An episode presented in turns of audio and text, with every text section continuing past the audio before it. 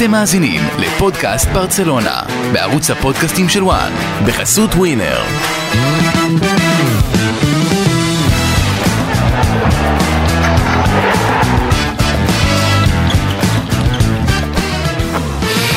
שלום, ברוכים הבאים לפודקאסט ברצלונה, אתם אצלנו ב ONE. אני עמית לוינטל ולצידי היום ניסים חליבה, שלום ניסים. אהלן רותח כאן היום, רותח. אה, לוהט, לוהט, ונדב זילברשטיין מ Athletic Clinic. שלום, שלום, כיף לבוא. כיף לבוא, אתה אורח קבוע אצלנו נדב, גם די ניסים. Athletic? Clinic. די Athletic Clinic, יפה. כן. חברים, ברצלונה אחרי הפסד לאלמריה 1-0, אנחנו נדבר על ההפסד הזה, ננתח אותו מכל הזוויות, אנחנו גם אה, נתעסק בהפסד באירופה למאנצ'סטר יונייטד, בהדחה הכואבת, ונסתכל קדימה לקראת הקלאסיקו בהמשך, אה, וולנסיה בליגה.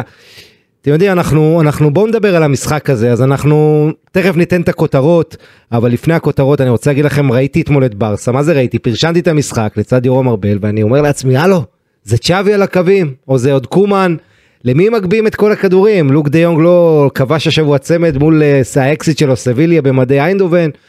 אתה רואה 47 הגבהות היו לברסה במשחק הזה, שזה כמות שלא הייתה לה 17 שנה, ומה שמשותף לכל החמש פעמים בהיסטוריה שברסה הגביהה כל כך הרבה כדורים לרחבה, היא לא ניצחה באף משחק.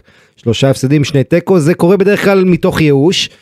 וברסה שהיה לפני שבועיים מיללנו אותה, ברסה שהגיעה למשחק מול האחרונה בטבלה, אה, אלמריה, כן, אה, ערב המשחק הזה, הגיע אליו אחרי שבעה ניצחונות ליגה רצופים, שישה ניצחונות בחוץ, בעצם 33 נקודות מ-35 אפשריות מאז אוקטובר, מאז אותו הפסד בקלאסיקו, ההפסד היחיד עד אתמול לאלמריה. אה, נוחלת פה הפסד עם השלכות מאוד מאוד אה, מדאיגות, בוא נגיד ככה, יש פתאום הרבה סימני שאלה סביב צ'אבי, הרבה עניינים אה, נוספים. אה, השחקנים, הפציעות, חוסר העומק בסגל, בעיות מחוץ למגרש, אנחנו ניגע בכל זה. חברים, בואו נתחיל עם הכותרות שלנו. אז אני, בכותרת שלי, בגלל שחזרתי מחופשת סקי, אני אדבר על כדור שלג. וכמו שניסים הזכיר לי קודם, אני נראה קצת שזוף. זה לא כי הייתי בים, זה מהסקי.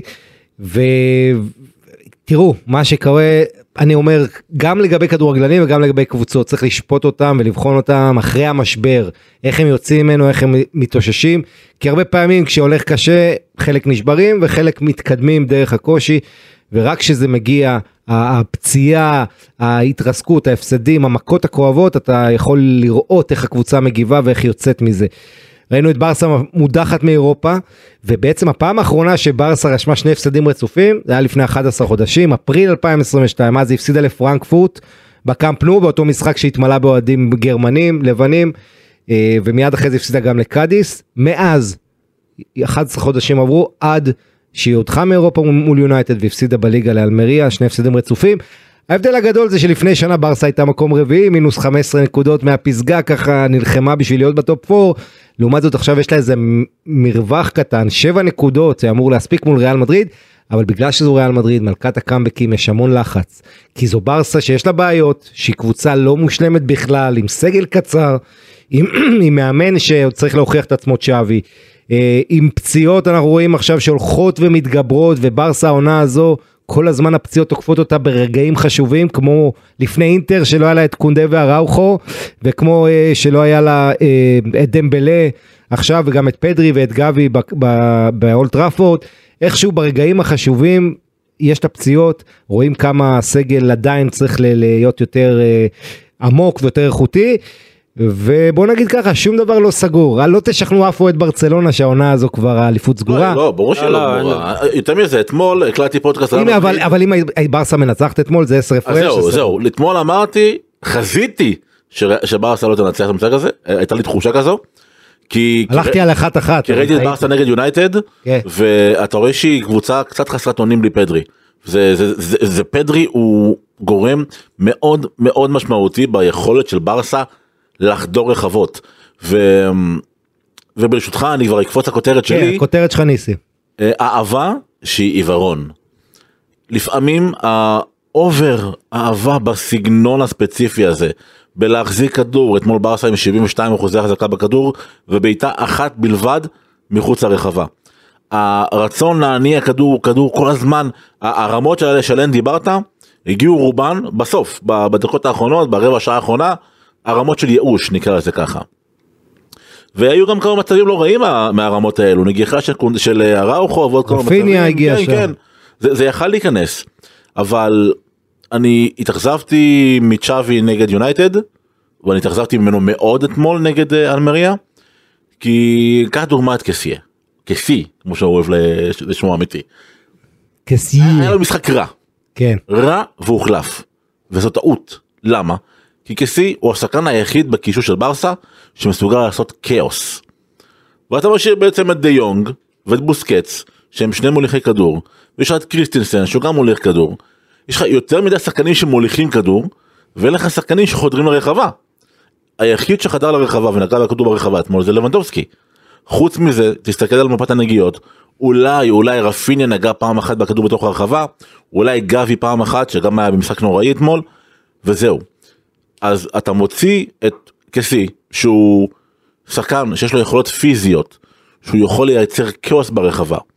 אתה מוציא אותו, מעביר את גבי לקישור, אוקיי? ואז אתה שוב חוזר לאותה אותה, אה, שבלונה של דה יונג ובוסקץ. במשחק נגד אלמריה, שהיא, צריך לומר את כל הכבוד לאלמריה, מי שרואה את העמדות הממוצעות של אה, אלמריה אתמול, זה היה בלוק חוסם, זה אומנם התחיל 4-4-2, אבל כל הקשרים שיחקו באמצע, ממש סוגרים את האמצע. בייחוד אגוארס ודלאוס היו נכון, מצוינים. סוגרים את האמצע, יש נטייה קט, קטנה שמאלה, כי ברסה בכלל לא הולכת ימינה, למרות שפרן תורס היה בסדר אתמול, אבל אתה רואה שברסה תקועה, ברסה שבלונית, ודווקא קישור של גבי, דה יונג וקסי, יכול לייצר כאוס.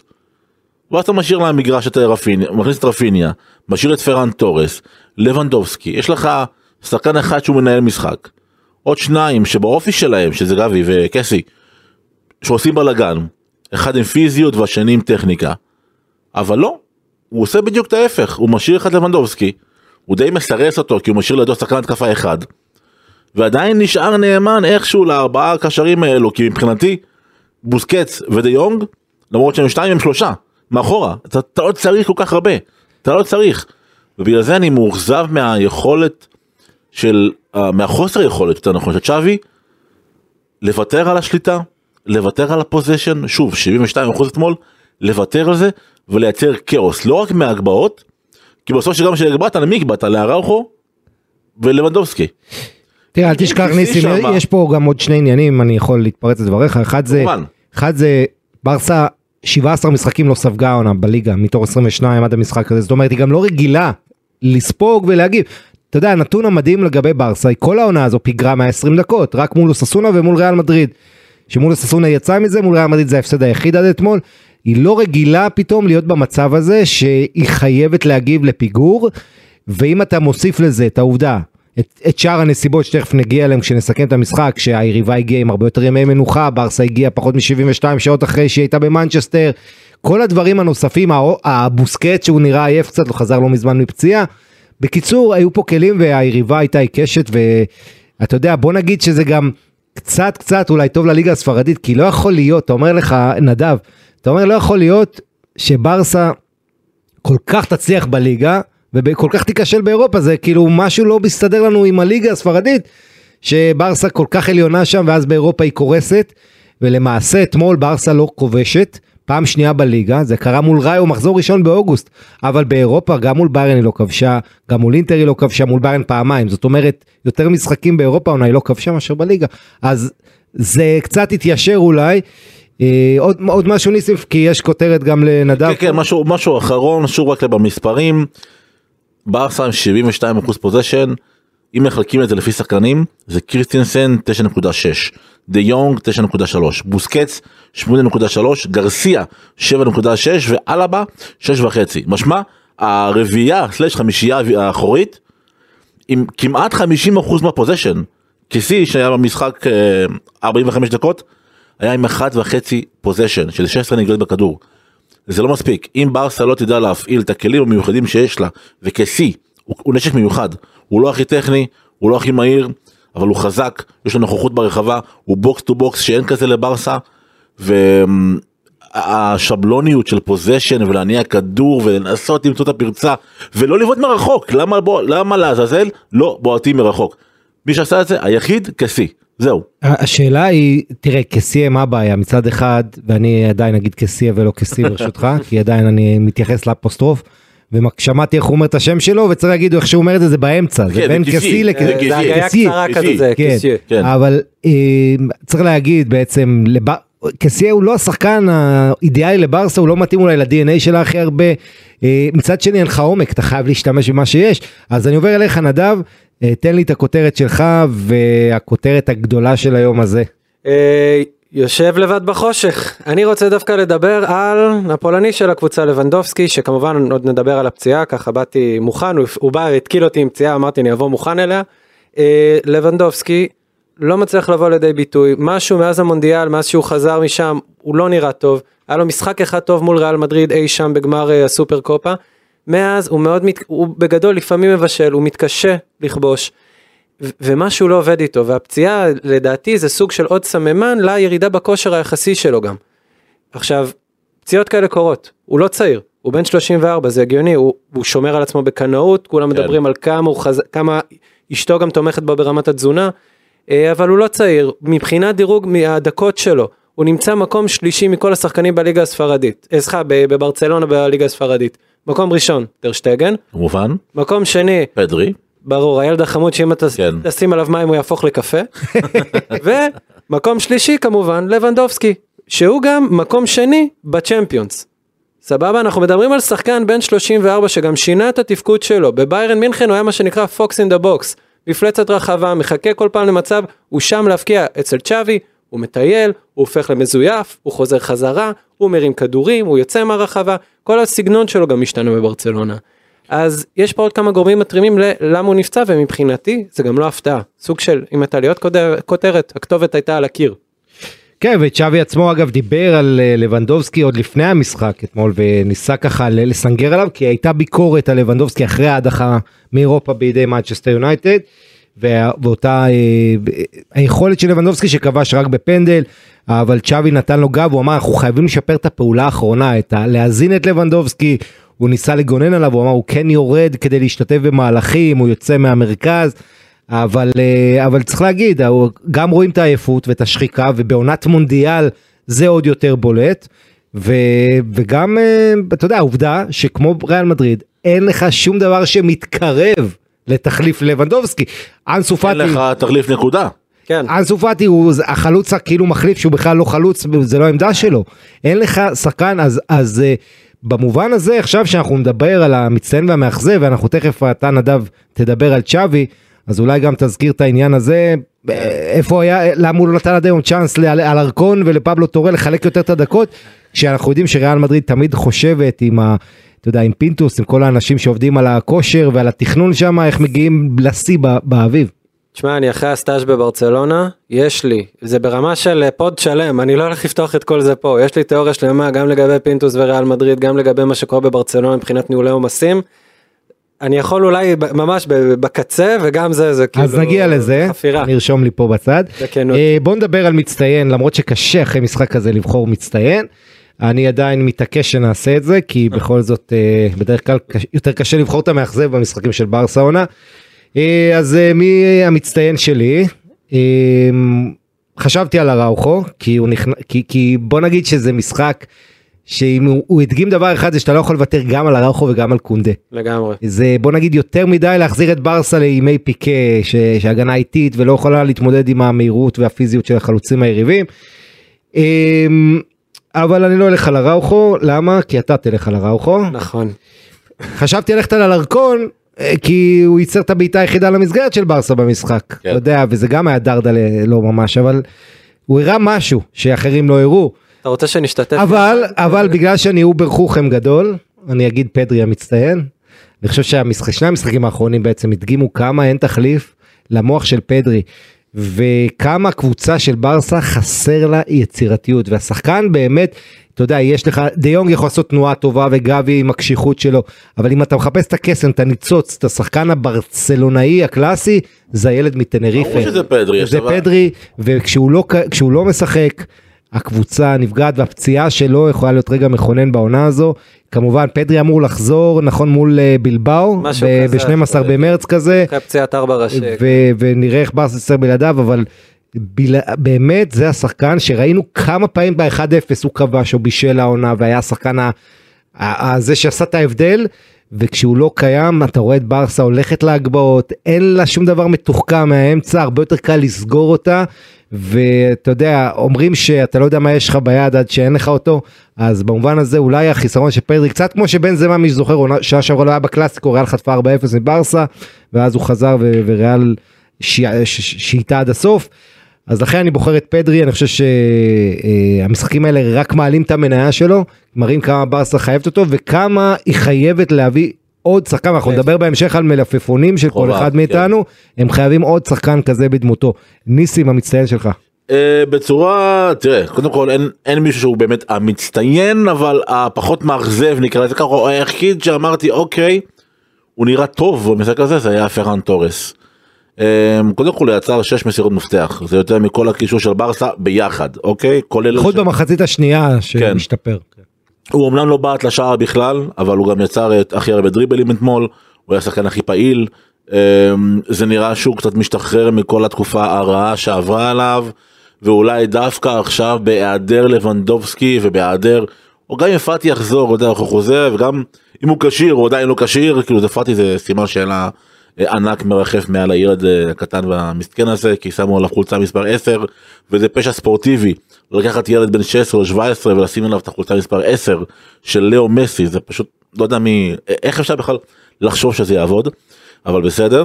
אבל uh, תורס דווקא עכשיו חוזר לעצמו בהיעדרו של לבנדובסקי אולי הוא כנראה אולי הוא יהיה התשע המזויף הזה ושוב נראה את גבי בשמאל גבי ישחק אגב לא בקלאסיקות שהוא מושה אם אני זוכר נכון או שהוא מושה מהליגה. לא. לא לא, גבי מושה מהמשחק מול ולנסיה בליגה, אוקיי. כמו גם רפיניה כן, וגם צ'אבי. גבי בשמאל, תורס בחוד, רפיניה בימין, זה נראה לי האידיאל אה, מול ריאל מדריד, אבל זה מציין שלי תורס. אז אה, צריך להגיד שווי אגב דיבר על תורס ואמר שהוא שינה איזה משהו במשחק מול קאדיס הוא נתן לו הרכב הוא אמר משהו השתנה אצלו מנטלית הוא, הוא נראה הרבה יותר טוב ואני מסכים פרן תורס ללא ספק היה שחקן פחות רע של ברסה וזה קרה כשהוא עבר לצד שמאל מחצית נכון, שנייה כי מחצית נכון. ראשונה הוא שיחק מימין והיה די ריק שם, כן. נכון אמ, אז אה, דבר איתי על הראוכו נדב. אה, קודם כל ארוחו מבחינתי מצטיין כי א' אתה מרגיש את הנוכחות שלו יום טוב יום רע הוא הרבה יותר טוב ממה שהיה מוצע לך באותו רגע. גם הגנתית גם התקפית מה לעשות הגענו למצב שזה קצת לתת אולי קונטרה למה שניסים אומר בהקשר של מה ברצלונה יכלה לעשות. היא פוגשת קבוצות מאוד ציניות בשלב הזה הקבוצות אה, מול ריאל ומול ברסה מכינות את עצמם עם בלוק נמוך. הן לא מתכוונות לקחת כדור הם שחררו כדור הם פשוט יצאו קדימה עם מתפרצות וזה עבד הפעם לאלמריה. כל הכלים נשברו היה מאוד מבאס ואין לך אף קשר שיודע לבנות את המשחק ככה. לא גבי לא קסיה לא אף אחד המקסימום זה בין אה, בוסקץ לפרנקי דה יונג וגם הם בעמדות מאוד אחוריות לא הצליחו לעשות כלום לבד. אז מה קרה אמרו יאללה הרמות ומי, ומי הוא הכניס? את הבלם ההתקפי שלנו אראוחו וזה כמעט עבד. לא מספיק. כן, היה לו נגיחה חופשית ברחבה, כן. ובעצם הוא הכניס את הראוכו שחצי מהזמן שיחק כחלוץ בסוף, בעשר דקות האחרונות, בשביל להשיג את שער השוויון, וראו שזה רעיון לא רע בכלל, כשאתה צריך גול לשלוח את הראוכו קדימה. אמ, כן, אז עכשיו תראה, מצטיין היה יותר קשה, מאכזב, אין לנו בעיה לבחור את כולם. אמ, והניסים, אני אתן לך את הכבוד להתחיל עם מאכזב, בגלל שאני ונדב נלך שנינו על צ'אבי. הנה. עשיתי ספוילר, אתה הולך על מישהו אחר. רגע, קרוב בשם, גבי. כן. אמ, קודם כל, אני חושב שיש פער עצום בין מה שפדרי תורם למגרש, למשחק, לבין מה שגבי תורם למשחק. אמ, אמרתי לא פעם שלדעתי גבי עדיין בוסר, קיבלתי על זה לא מעט הייט ברשתות, אבל אני עדיין עומד מאחורי האמירה הזו.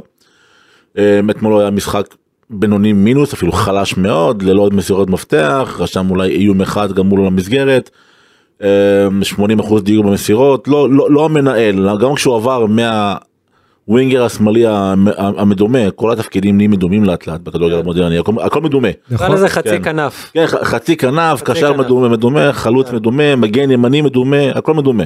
אבל אמ, גם כשהוא עבר מהווינגר המדומה הזה להיות קשר אמצע, מי שאמור להניע את הקבוצה, זה לא שם. עכשיו שוב, גבי בעיניי מבחינת כדורגל, טכניקה, כישרון, עילוי, עילוי, אבל הוא עוד לא בשל. הוא עוד לא בשל, הוא לא יכול לסחוב את הקבוצה כמו פדרי, אין לו את הבגרות המנטליות כמו, כמו, כמו פדרי, ואולי הכי חשוב, אין לו את היציבות כמו פדרי. פדרי יציב, פדרי כמעט בכל משחק מופיע. כמעט בכל משחק אתה רואה את אותם אלמנטים חוזרים פעם אחר פעם. ההשתחרויות, הדחיפה קדימה, כל הדברים האלו שאתה רואה מפדרי, אתה לא רואה את זה מספיק מגבי, וגם כשאתה רואה את זה, זה, זה ניצוצות, אז בגלל זה אתה יודע, פדרי הוא פדרי פוטר, קוסם, וגבי עדיין בכיתה א' של... אה, כן, צריך להגיד לחוסים. יותר מנוסה, כמובן, מבחינת כן, גב פער ויותר של- מבוגר קצת. כמובן, אני- אני לא בא ל... אני לא אומר שגבי שחקן רע חלילה, כן. אני רק אומר שכרגע אך הוא לא. לא בשל לסחוב את ברצלונה אז, בצורה אז של אני, פדרי אני כזאת. אמשיך את אה, מה שאתה אומר, אני, אני ונדב הולכים על צ'אבי, כי יש הרבה מאוד מה להגיד על צ'אבי. אז אם אתה רוצה להתייחס לגבי, יש הבדל מאוד גדול כשגבי משחק אה, ו, עם, עם אלבה כמגן שמאלי או עם בלדה כמגן שמאלי, כי כשאלבה משחק הוא כמו קיצוני, הוא תופס את כל הקו שם, ו, ואז מה שראינו אתמול, את גבי נכנס לאמצע, ממש משחק חלוץ נוסף, וההגנה של אלמריה עם הקישור המעובה והבלמים שלה לא איבדה אותו לרגע, הוא לא הצליח, הוא לא היה מספיק דינמי, זה, היה, זה מה שהפריע לי עם גבי, הוא היה תקוע מדי, הוא היה סטטי, לא הצליח לשבור את הקווים של אלמריה, לא הצליח לצאת, וזה עשה לאלמריה את החיים קלים, אתה לא מצפה מלבנדובסקי שיתרוצץ, אבל גבי עם כל האנרגיות שלו, שחקן שרץ 13 קילומטר במשחק, אז אתה מצפה שקצת יהיה יותר אסרטיבי ויותר דינמי, זה גם תוצאה של קצת עייפות. אצלו זה שונה אבל אמ, שוב גם סליחה שאני קוטע כן, דבר. באמת בהבדלים בין אה, פדרי לגבי. גבי זה שחקן שנהנה יותר באמת משטח לעומת פדרי. הוא שחקן שצריך להפעיל את הלחץ. כל הנוכחות שלו בא במה הוא עושה ללא כדור. שברצלון מקבלת את כל הכדור אצלה והקבוצה האחרת נמצאת בצורה מאוד פסיבית נקרא לזה ככה הוא פחות בולט. הוא לא באמת ווינגר. הוא לא שחקן שירווח ברור שלא. ווינגר, כן. זה לא זה לא הטיפוס שהוא. הוא צריך לקחת באמת את היכולת לשבור את הקווים האלה לייצר את היתרון המספרי כל פעם לייצר את הלחץ הגבוה הזה וזה פשוט לא קורה עם אלמריה אין לך מה לייצר לחץ גבוה על קבוצה שלא תחזיק את הכדור. כן, ויכול להיות גם, תראה עכשיו אנחנו נדבר על צ'אבי, כי הוא באמת מעניין, ומבחינתי יש הרבה מאוד שאלות ותהיות, אתה יודע, בעצם ברסה נקלעה בין מנצ'סטר יונייטד, משחק גדול, לבין ריאל מדריד בגביע. והמשחק הזה מול אלמיריה ישב לה כמו עצם בגרון, ואתה אומר מצד אחד אני צריך לעשות רוטציות, ואני פחות מ-72 שעות אחרי יונייטד, ואני עם הפנים לריאל מדריד, אבל בכדורגל אתה תמיד צריך להיות מרוכז בהווה, וגם צ'אבי אמר את זה. אבל אז אתה רואה את ההרכב, וזה הרכב שלא משחק ביחד, בייחוד העובדה שאתה מוותר גם על אראוכו וגם על קונדה ביחד. אחד מהם לפחות בעיניי חייב לשחק אם הם זמינים, וצ'אבי אמר שהם 100% כשירים לפני המשחק, וראינו את אראוכו שגם נראה בסדר כשהוא עלה מהספסל. אז מראש אני חושב לוותר על שניהם זה יותר מדי. בעצם אבל לא זו הייתה הבעיה, לא- לא זו הייתה אחת הבעיות כי השער הראשון זה היה תוצאה שזה היה לך אבל- רק את קריסטנסן מהרביעייה האחורית. ברסה ביום רגיל שלה אמורה לכבוש לפחות שער אחד מול נכון. זה- ואתמול- ואתמול היא רשמה 1.11 שערים צפויים אבל המסגרת ב-XG למסגרת זה 0.08. זה המסגרת היה לה איום אחד בלבד בדיוק, של בדיוק. הלקות. אז אז זה- זה זה מעבר ל- להגנה זה פשוט זה הכל זה קיבעון. זה הכל אבל כשאתה מדבר על קונדה ועל, ועל אראוכו זה מתחיל גם מבנייה מאחורה. זה, זה יש לזה לא מעט תראה בכדורגל אה, זה כמה אתה יודע דבר הוביל לדבר בוסקט שכבר במחצית שנייה מול יונייטד ראית שהוא עייף והיה דיבור שאולי הפעם הוא לא יפתח דיונג ישחק על העמדה שלו בסוף בוסקץ פתח וברסה באיזה שלב עברה לכדורים ארוכים וראית על השפת גוף של בוסקט שהוא מתוסכל.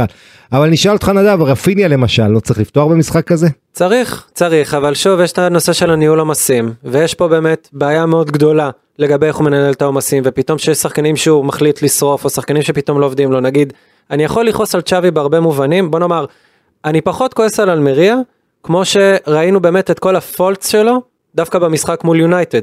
ביונייטד במשחק השני ראינו את כל מה שטוב בצ'אבי וכל מה שרע בו.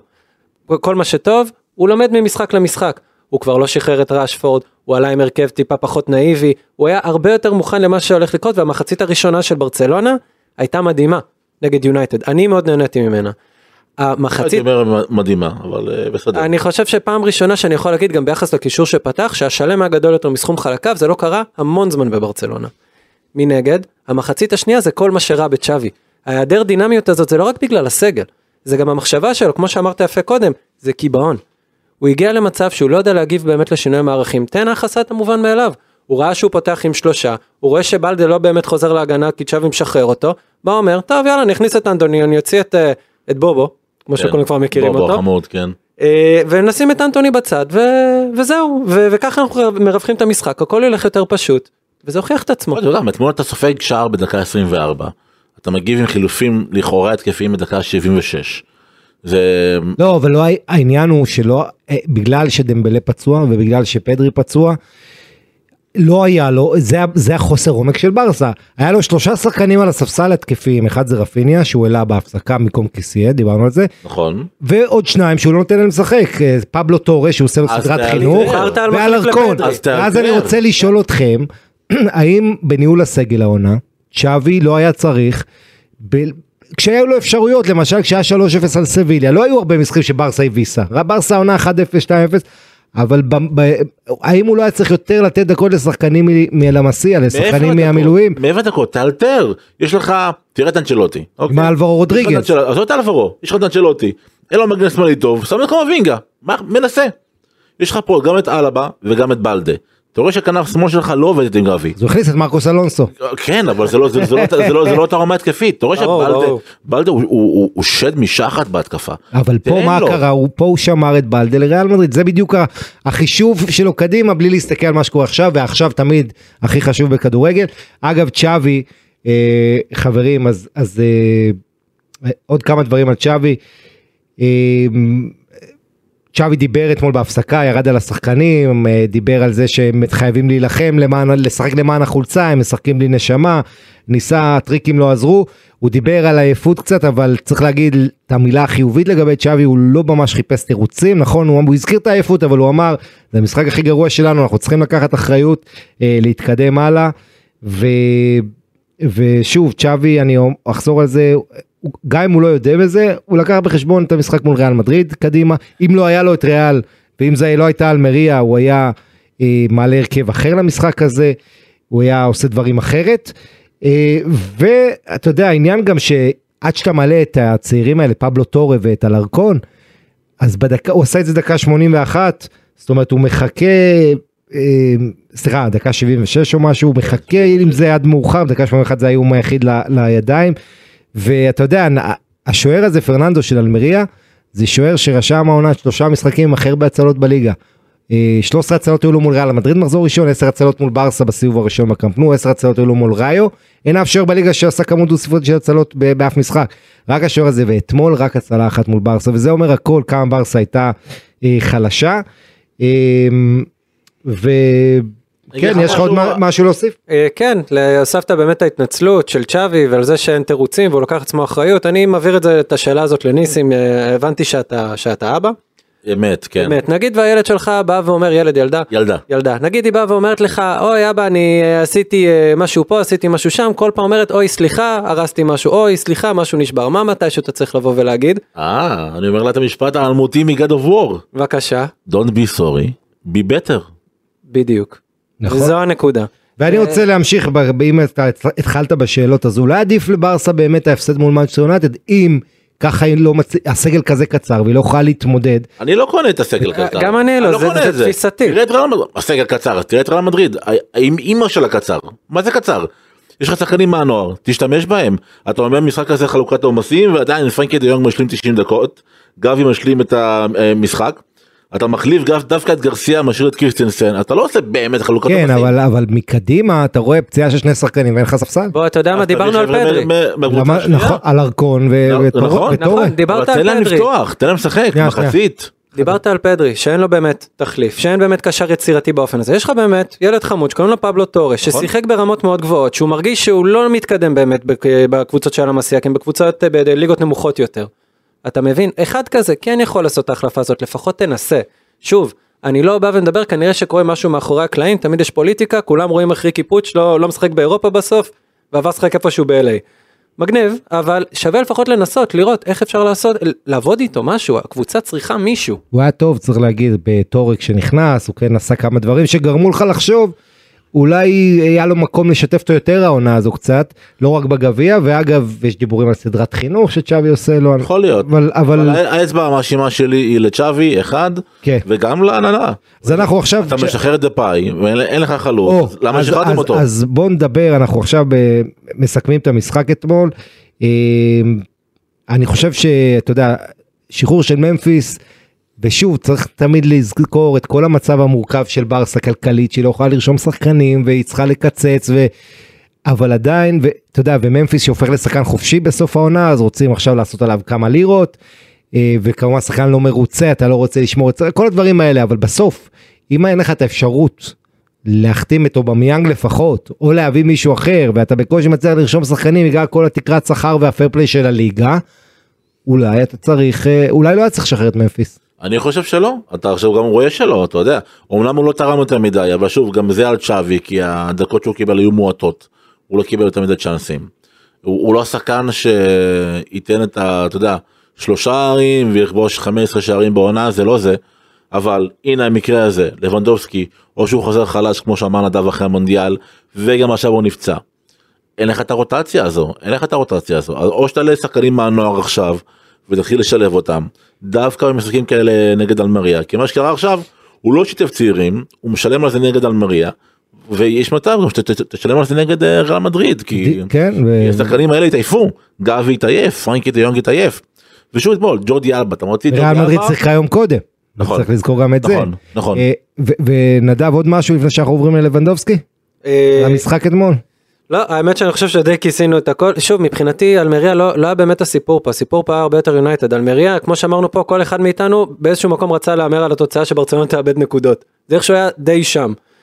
אז אני לא, אני לא רוצה להגיד שאני מופתע, אני פשוט מתבאס שזה קרה, אבל שוב, זה הכל, הכל מתחיל מיונייטד, ומאיך שדברים התפרקו שם. לגמרי במחצית שנייה שתוך חצי שעה שברסה נעלמה שם ו...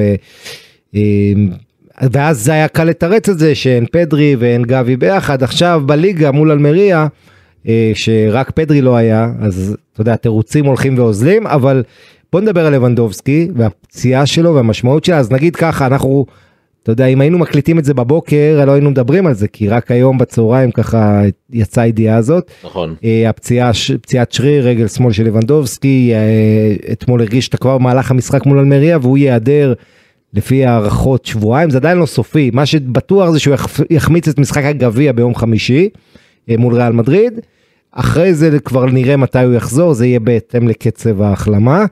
אה, מול ולנסיה הוא כנראה שלא, אולי אחרי זה מול בלבאו יחד עם פדרי הוא יחזור, אלה הערכות, ואם לא אז שבוע לאחר מכן, אה, לקלאסיקו בליגה.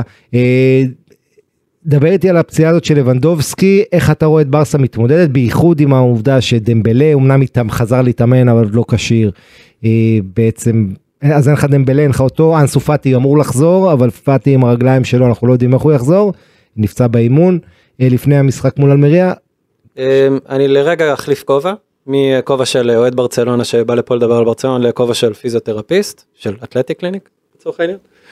אה, ובגדול, אה, אמרת יפה, אנחנו לא יודעים מתי הוא יחזור. פציעות שריר ירך אחורית, אין בעיה. כי בוא נאמר, זה לא באמת גם קרע שאפשר לתת לזה איקס זמן, שאפשר באמת לנתק את לבנדובסקי לגמרי, זה לא יכול לקרות. יש פה עניין של עומס שרירי, עומס שרירי זה משהו שהוא מאוד סובייקטיבי, זה איך השחקן מרגיש, אם הוא יכול לחזור, אם הוא לא יכול לחזור, וגם מאוד נזהרים עם זה, כי מי שנכנס כבר ללופים של קרעים של hamstrings, כמו שנגיד קרה עם דמבלה, שהיו לו תשע פציעות נפרדות של hamstrings, ברגע שזה קורה אצלו, אתה לא יודע איך הוא יחזור מזה כבר, או מתי הוא יחזור, והאם זה לא יקרה לו שוב, כי זה הפציעה, בוא נאמר, זה הפציעה הכי שכיחה בספורט, בכדורגל, והיא גם עם אחוז חזרת פציעה הכי גבוה, שזה אחת הסיבות שהיא של עצמה נמצאת הכי גבוה שם. אז אה, קשה לדעת מה יקרה איתו, בגיל 34 מאוד קשה לחזור. biceps femoral, תסביר את העניין. Biceps. Femoris, יש לנו, אה, זה קבוצת שרירים ה hamstring, אה, במה שנקרא הירך האחורית, יש לנו שלושה שרירים בקבוצה הזאת. יש לנו semitendinosus, semimembranosus, שניהם ביחד מאוד קרובים אחד לשני בחלק, בחלק המק- אה, המדיאלי זה נקרא, שקרוב לחלק הפנימי של הירך, ו biceps femoris, שנמצא לבד בצד והוא השריר שמוטה הכי הרבה לפציעות hamstrings. מתי זה קורה? ספרינטים, שינויי כיוון, יציאה מהמקום, בעיטות, וגם מצב שמאוד נפוץ, כל הנושא של גם מתיחת יתר, כל פעם להגיע לכדור עם אה, כיפוף קדמי של הירך קדימה, סליחה אם באתי בך ניסים שם, בשם ההדגמה, אה, וגם אה, כשמתחילים להגיע למצב של עייפות מתגברת ושעושים את כל הריצה כשכל הגוף מוטה קדימה. אז בוא, בוא נקרא לזה ברגע שזה עומס שרירי וזה משהו שיכול לקרות לכולם ושוב לבנדובסקי יחסית שומר על עצמו. זה פשוט פציעה של עומס יתר וזה בוא נאמר הכתובת הייתה על הקיר. ופה אתה יכול להבדיל בין ריאל לברסה, שמה שהזכרנו קודם במילה, אה, וזה למרות שגם בנזמה נפצע העונה והכל, אבל ידעו לחשוב קדימה ויודעים שם שהמאני טיים מגיע במרץ. אה, ניסים, הפציעה Yes. הזאת של לבנדובסקי זה אמור להזריק חיים לריאל מדריד עכשיו, עוד אה, אופטימיות. כמובן שזה אמור להזריק אה, חיים לריאל מדריד, אתה יודע, אבל אמרת חושבים קדימה, וקח דוגמת המשחק נגד יונייטד, אני חוזר בכו- בכוונה אליו. המשחק השני, דקה 46 במשחק, אריק תנאך מוציא את בובו המפורסם, מכניס את אנטוני, נכון. ושם את רשפורד חלוץ. מה הוא עשה פה בעצם? הוא נתן לשחקן אחד במשך 45 דקות לספוג את כל המכות מהבלמים, להתיש אותם, ללחוץ עליהם, לשגע אותם, וחצי שני, לתת לחלוץ שלך ל- לפרוח, החלוץ החלוץ האמיתי שזה רשפורד. ובברסה, לא הכינו תוכנית גיבוי ללבנדובסקי. אין לך בעצם את המחליף ללבנדובסקי. ועכשיו אתה מגיע למצב, בתקופה אולי הכי קריטית של העונה, שאין לך מי שיספוג את המכות במקום לבנדובסקי והוא סופג אותם. משחק אחרי משחק הוא נאלץ לרוץ אחרי הבלמים הוא נאלץ להתיש אותם הוא נאלץ להיות זה שיורד אחורה. ו... ואתה מגיע למצב עכשיו נגד ריאל, נגד ריאל מדריד אם אתה שואל אותי בגדול איך צ'אבי אמור לשחק אז אני חוזר לכותרת שלי אהבה שהיא עיוורון. האם אתה שוב חוזר למצב שאתה מחפש לשלוט במשחק או לעשות מה שאנצ'לוטי עושה להתמסר לרנדומליות של היקום. משמע, פותח עם הרכב שהוא טיפה שונה ממה שאתה אמור לשחק בו. לא 4-3-3 או 4-4-2 עם אה, גבי כווינגר שמאל. אלא פותח עם שני קשרים באמצע, או נגיד שניים באמצע ואחד לפניהם, אולי אפילו פבלו טורי, אולי אפילו כסייה, כסייה כמעין קשר התקפי, שקרוב לנגיד לפראן טורס כמספר 9 מדומה, ושניהם עושים את ההחלפות האלה כל הזמן ביניהם. כי כרגע אתה במצב שאין לך חלוץ, השאלה אם אתה יכול בשלב תנועה ל- הזה של העונה, אין לך ברירה. אה, לא, להמציא מחדש דברים כמו אין לך. ברירה, שוב. אני חושב שהכי מתאים, בעיניי הכי מתאים, בחוץ, הכי מתאים לבנדובסקי ל- בחוץ. ל- לעמדה הזאת במקום לבנדובסקי זה ספרן תורס, שהוא אגב גם עשה את זה בסיטי ובנבחרת ספרד, שהוא נכון. שיחק לא מעט פעמים את התשע המדומה, ואגב, נכון, העמדה אבל- הזאת הוא כבש לא מעט אבל בנבחרת. פרן תורס, אם הוא ישחק לבד עם מיליטאו ורודיגר לצורך העניין, הם יקברו הם אותו. ישברו לו את החיים. כן. הם נכון, לא. אבל אבל בגלל זה אני אומר, פרן תורס הוא לא תשע כמו לבנדובסקי. הוא כל הזמן צריך לפנות את השטחים. אבל מישהו צריך להיכנס לשטחים נכון, האלו, ומישהו שיכול להיכנס לשטחים האלו, זה כסייה. כן. ללא. ספק. בגלל זה אני אומר, גם 4, קסיה, 2, קסיה, 3, גבי 1. ודי יונג, זה השלישייה שעושה את התנועות לעומק. ריאל קבוצה רנדומלית, ברסה קבוצה של position, של תבניות נורא נורא ברורות. נגד, נגד ריאל מדריד, שהיא נורא מאומנת, היא יודעת לעשות הגנה, היא טובה בהגנה. בלי לבנדובסקי התבניות האלו שכל הזמן רצים סביבו לא יעבדו, בגלל זה דווקא פראן טורס כתשע מדומה. כסייה כעשר מאחוריו, כעשר דינמי נקרא לזה ככה. נכנסים יוצאים, נכנסים יוצאים, כל הזמן, מהכנפיים רפיניה, טורס, טאק, נכנסים. אני מזכיר לכם עוד- לשגע את ריאל מדריד בהתקפה, לא בקישור. אני רוצה להזכיר לכם עוד שני דברים, א', לבנדובסקי היה קטסטרופה בקלאסיקו באוקטובר, לא שזה אומר מה יותר מדי, אבל הוא היה חלש, ופרן תורס, המשחק אולי הכי טוב שלו בברסה, היה אותו 4-0 ב- לפני אה, שנה, אבל הוא שיחק כווינגר, לא? הוא. שיחק, כן, הוא היה עם כן, אובמיאנג שם, כן. וכן, אבל... כן, אבל זה דווקא, הוא פרח כשהיו לו שטחים, והעובדה שריאל מדריד משחקת בבית וצריכה להשיג מקדמה לקראת הגומלין, אמורה לגרום לבלנקוס, בטח עם כל החיסורים של ברסה, לצאת קדימה, להיות דומיננטית, להשאיר שטחים לברסה שברסה לא היו לה מול אלמריה, אה, מה שאמור אולי לעזור יותר לברסה, לשחקנים אה, אגב שטחים, אני חייב להגיד משהו, או במיאנג, מייצר שטחים הרבה יותר טוב. חכה, תכף נגיע. לזה, עוד מעט, עוד מעט, אנחנו כבר במלפפונים, עוד דקה. אה, אנחנו נגיע, נדבר על אובמיאנג, ניסים. אגב ניסים, אתה יודע מה לא רנדומלי בריאל מדריד? מה? מה קדוש שם? נו, סרגל מאמצים. הסרגל מאמצים של ריאל מדריד עקבי מאז נכון. שאנטוניו פינטוס שם, אתה תמיד מדברים אותו סיפור בין אם זה היה זידן בין אם זה היה אנצ'לוטי, תמיד מדברים על המעמד הרעוע וריאל מדריד לא פוגעת ואולי השנה זה אחרת ואולי זה לא נראה טוב ואז מגיעים החודשים האלה וריאל מדריד משחקת. עם אינטנסיביות מעניין. כל הזמן בגלל זה אני גם נכון. ברצלונה וגם בהסתכלות הזאת אני אומר אוקיי ברצלונה מתחילה לאבד אוויר. ריאל מדריד בדיוק מתחילה להוריד את המסכות אה, החמצן האלה של פינטוס ומתחילים עכשיו להרביץ עכשיו רצף היסטרי. נכון, אבל. פינטוס העונה הזאת, צריך להגיד, התוכנית עבודה שלו השתנתה והיא ניסיונית בגלל המונדיאל, שאף אחד לא ידע איך מתמודדים איתו, ואז בתקופה שאחרי המונדיאל ריאל לא חזרה הכי טוב, והרבה הסבירו שפינטוס בכוונה כן. רוצה להרגיע עכשיו בשביל שייכנסו לכושר לפברואר-מרץ כזה, מעניין. כן. ובינתיים זה עובד לו נהדר, באמת המספר אחת באירופה, ו, ובאמת עושה עבודה ענקית שמה, ולא זוכה למספיק קרדיט.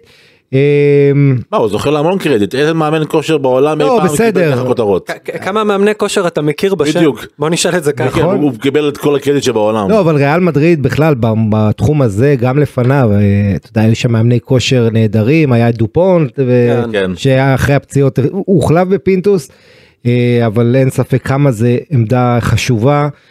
אה, חברים, בואו נעבור למלפפונים שלנו. יס. אה, אז אני, אה, בואו תתחילו, אני אתחיל איתך הפעם נדב. געגועים לאובמה יאנג, מה אני אגיד לך? היה אצלנו שחקן שהיה אמור מאוד לתרום ובדיוק לפתור את כל הבעיות של ברצלונה. והוא הלך, והוא לא איתנו, ורצו להחזיר אותו, והיה את העניין שהוא כבר כן הספיק לשחק וחזר ואי אפשר להחזיר אותו שוב. ועכשיו כולנו מבואסים, כי זה היה חלוץ שהיה מוכן גם טיפה לחלוק בדקות. אם הוא היה יודע שזה המצב שלו בצ'לסי, הוא לא היה כל כך לחוץ ללכת. ואני מאוד מקווה שהוא יחזור. יש לו עוד לדעתי לפחות העוד עונה לתת. מסכים. הוא לבנדובסקי יחד. אני, אני חושב שזה היה פותר לנו המון בעיות עכשיו. יותר מזה, אתה יודע מה העמדה השנייה הטובה שלו אובמיאנג? מה? winger שמאל. winger, כן. winger שמאל. נכון. וואלה. שזה בדיוק הבעיה של ברצלונה. זאת אומרת, לקחת שחקן שהוא לא פתרון לעמדה אחת, הוא פתרון לשתי עמדות. שחקן עם אגו פגוע שיש לו הרבה מה לרעב ורצון להוכיח כן. שהוא עדיין חברתית, פה, יש. שיש לו ניסיון בספרד.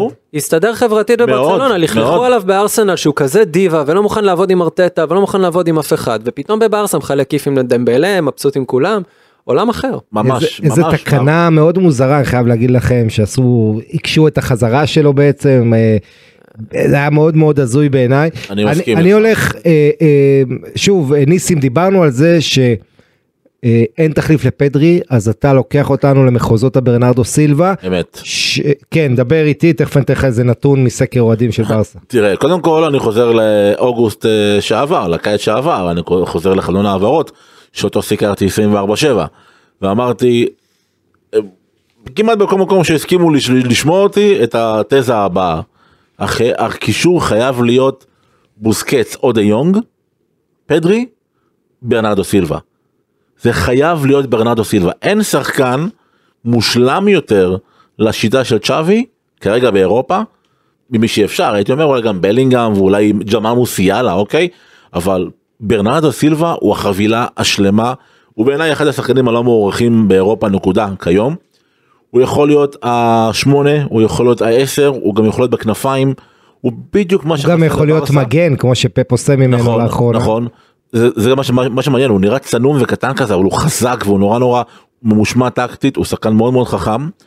ודווקא המשחקים כאלו, שאתה רואה שמה שחסר זה ה penetrator, החודר, השחקן שיכול לקחת את הכדור, לעשות את האינייסטה, זוכר את המהלך של אינייסטה? כן. מימין לשמאל את הטק-טק הזה? ולהיכנס פנימה עם הכדור לרחבה, או למסור את העומק, או לראות את התנועה שנייה לפני שכולם בכלל רואים אותה, זה ברנרדו סילבה. אם אני אה, אלמן סלאש קרויף סלאש לפורטה, אז כמובן גם שאני אוכל טוב, אבל בלי קשר לזה. כמו, אז אני שם את כל הז'יטונים שלי בקיץ הקרוב על ברנרדו סילבה. אז, אז אתה יודע ברנרדו סילבה שחקן מדהים וברסה רצו אותו מאוד בקיץ האחרון והוא עצמו מאוד רצה גם לעזוב.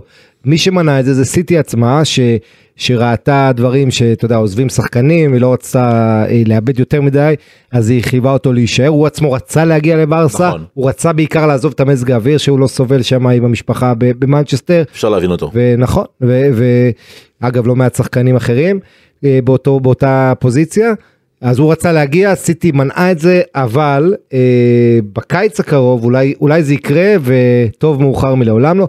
אה, אני מסכים כל מה שאמרת, והדבר היחיד, אתה יודע, ש, שאין לו בסיטי, זה את התהילה, כי, הוא, כי כל הזמן זה בריינה זוכה לשבחים ושחקנים אחרים, הוא לא מקבל את הקרדיט אולי שהוא ראוי לו, למרות שהיה איזה עונה שהוא היה נבחר לשחקן העונה של סיטי, הוא עדיין שחקן נהדר. גם אה, סיטי זה מועדון בלי. תהילה, אתה יודע, אתה אף פעם לא לא, לא באמת תקבל תהילה בסיטי. לא משנה מה תעשה, גם כן. הלנד, אם הוא יכבוש 60 שערים העונה, אוקיי, וארבע מהם הם מספרת, וכל הארבע האלה זה באותו משחק, יש לו יש לו שלושה או רביעייר, הוא לא יזכה לתהילה כי זה סיטי. זה סיטי, זה מועדון. שהוא לא ליברפול והוא לא יונייטד, זה סיטי. אתה לא יכול לקנות מסורת, אתה לא יכול לקנות אה, תהילה. זה אתה לא עובד יכול. לקנות אבל צריך קצת סבלנות תראה צ'לסי שרו להם you ain't got no history הם כבר לא שרים להם זה לוקח זמן אבל נכון.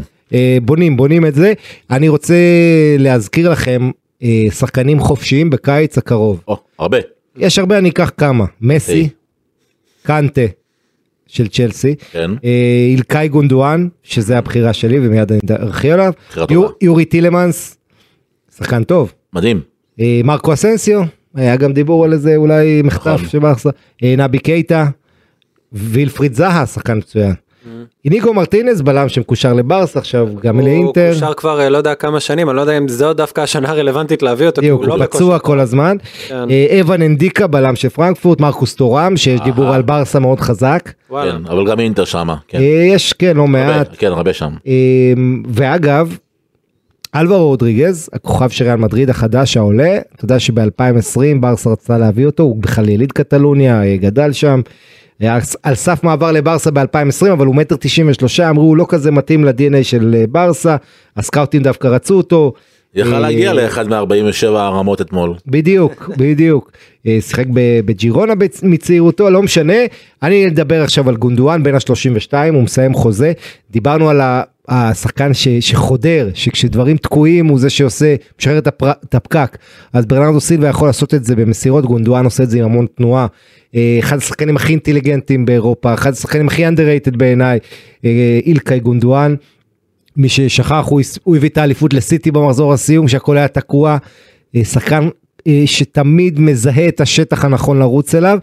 הוא אה, רוצה, העניין עם גונדואן כבר יש מאחורי הקלעים מגעים אה, איתו שלו עם ברסה, ומותר לו לעשות את זה גם, כי הוא אה, יהיה שחקן פנוי בקיץ. הוא רוצה חוזה לשנתיים, עכשיו אתם יודעים, ריאל מדריד למשל ועוד מועדונים מעריכים רק בשנה אחת שחקנים בגיל 30, אבל כששחקן פנוי שיש לך מה להציע, אתה יודע, מה, מה עוד להציע. אולי זה אחרת אה, וכמובן הכל תלוי החתמה שלו עכשיו תלויה גם בפייר פליי אה, וכל העניינים הכלכליים של ברסה והמגבלות של מנהלת הליגה אבל גונדואן שחקן שאני חושב שהוא אדיר אה, ושוב העניין השאלה אצלו זה הגיל כמה עוד שנים יש לו לתת אבל לדעתי זה מסוג השחקנים שיכול לפתור לברסה גם את הבעיה של הקישור. של העומק, של לתת קצת מנוחה לבוסקץ, כי הוא יכול לשחק בכמה עמדות בקישור, וגם לתת לה את היצירתיות ואת הדחיפה קדימה עם, ה, עם החוכמה שלו. אז זה אה, המלפפונים שלנו חברים, ועכשיו יש לנו את פינת ה winner, Yes. שמוקדשת לריאל מדריד וברצלונה, לקלאסיקו בברנבאו. אה, אז אני אתן לכם את היחסים. אני מזכיר לכם, זה משחק ראשון מבין שניים והגומלין ייערך בתחילת אפריל, כלומר, חודש אחרי, זה נוראי. לפחות אה, שחקנים יצליחו להחלים עד אז, אולי ברצלונה יוכלו לתת פייט. אם הייתי רושם את החוקים לכדורגל תקנון אחד, מהחוקים היה אומר שבין המשחק הראשון לגומלין לא יותר משבועיים. שבועיים גג. שבועיים. שבועיים אני מוכן בנסיבות זה כן, כן. יותר משבועיים כבר אתה לא זוכר מה המשחק הראשון ואני אומר את זה מ-43 עוד מעט שנים של ניסיון. אמ, אז ככה יחסים ריאל מדריד 2.05 תיקו 2.85 ברסה 2.45 זאת אומרת הכל דומה הכל מעל 2 2.05 ריאל 2.45 לניצחון חוץ של ברסה בברנבאו ו-2.85 לתיקו עכשיו כוכבית אלה היחסים לפני הפציעה של לבנדובסקי. נכון. יכול להיות אני מניח שהם עוד ישתנו לטובת ריאל אמת. זה ירד מתחת לשתיים כן. אה, נוכח איך שברסה מגיעה אה, אז אז לעקוב אחרי העניין הזה אני חושב שבואו ננתח קצת ככה על קצה המזלג בחמש דקות את המשחק את הקלאסיקו הזה. אה, וריאל מדריד בגלל שזה בית חוץ ריאל לא רק צריכה לנצח פה היא צריכה ליצור אה, מקדמה לפחות שני שערים יתרון כמו שעשתה בליברפול באנפילד שם הרביסה 5-2 אבל אה, פה אתה יודע ללכת לא להסתפק ב-1-0 וביתרון מינימלי. איך אתה רואה את יחסי הכוחות ניסים? אמ, שמע, קודם כל, אני אגיד את מה, אני אגיד את המציאות. אוקיי, המציאות היא כזו שכרגע ריאל מדריד פיבוריטית. היא גם בפורמה טובה יותר, היא בריאה יותר, היא, היא מגיעה אחרי אותו 5-2 פסיכוטי אה, באנפילד. אמנם נעצרה בדרבי, אבל אה, עדיין יש לה גם, אתה יודע, יש לה ככה ניצנים של, אה, של משב רוח, הזכרת את אלברו רודריגז, אז פתאום שחקן שמגיע מהנוער וכובש, נותן המון רוח לאוהדים, האוהדים מתלהבים לראות אותו. ואין את זה היום בברסה וזה מבאס מאוד אגב, כאילו אולי בלדה, אבל בלדה כבר נהיה שחקן ראשון, אם אולי דווקא עכשיו צ'אבי יצליח לעלות, אולי דווקא במשחק הזה. כן, לא, אתה יודע, יגידו לך. גבי, או אתה יודע. כן, אבל הם שמה, זה, זה לא חידוש, אתה יודע, אוהדים כן, רוצים כן. חידוש. על ארכון אולי. על- יכול להיות אולי לקון יהיה באמת הג'וקר של אה, של צ'אבי. אני עדיין חושב שריאל פיבוריטית אני אני מסתכל גם על. על, על אנחנו מדברים רק על המשחק הזה הראשון, על זה כמובן כן, אנחנו לא יודעים מה יהיה עד עד- אפריל. עד אפריל ב- ובגלל שלא יודעים וזה כל כך הרבה זמן אתה חייב את המקדמה הזאת כן, זו לביטחון. העונה הכי מוזרה בהיסטוריה של כדורגל אתה זוכר שלפני ארבעה חודשים טוחל וקונטה נפגשו שורש בראש בפרמייר ליג כאילו הכל כל כך כל כך הרבה דברים קורים בעונה הזו בגלל המונדיאל המוזר הזה ש... מבורך כי ארגנטינה זכתה אבל עדיין תקעו אותו באמצע העונה נכון? חכה ל-2030 בסעודיה זה מה שיש לי להגיד לך. בכלל בכלל בכלל זה יהיה מטורף לגמרי. אבל אה, ב- ב- בקיצור אני חושב שברסה תהיה מאוד מאוד אה, אה, מרוצה אם היא תצא עם תיקו מהברנבאו אוקיי אבל גם הפסד מינימלי בברנבאו זה לא סוף העולם אפריל דמבלה אמור לחזור לבדובסקי אני חושב שברסה כרגע נדב חותמת על הפסד 2-1 כזה. מה זה 2-1? אני, בוא אני ארחיב אה, ואגדיל אפילו את, ה, את הציניות ואת ה, אולי את ה, קצת דיכאון וייאוש שיש לי מהמשחקים האלה שבאים.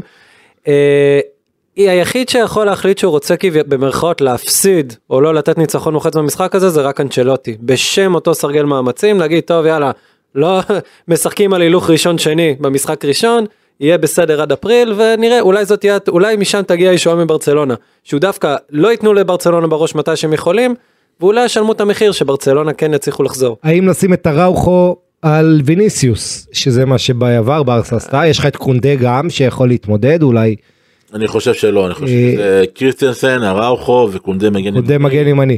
עכשיו ויעזרו תראו. יש פה למשחק הזה השלכה פסיכולוגית מאוד גדולה כי אם ברסה מפסידה זה הפסד שלישי רצוף ואם היא חוטפת בראש מול היריבה אני מזכיר לכם באמצע מרץ הן נפגשות בליגה אנחנו עדיין לא יודעים נכון.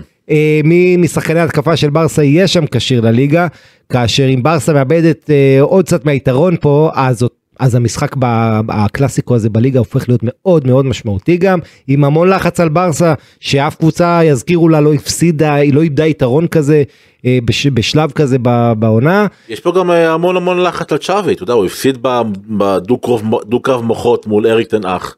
אריק תנאך עשה לו באמת, בעיניי. שחמט. נכון כן. הגיב בהתאם וצ'אבי לא הגיב בהתאם, וגם אתמול הוא לא הגיב בהתאם, ואם צ'אבי, משחק שלישי ברציפות, לא יגיב בהתאם, וגם יחטוף שחמט בראש מאנצ'לוטי, הוא יצטרך לעשות איזה משהו בשביל לשנות את המומנטום של הקבוצה.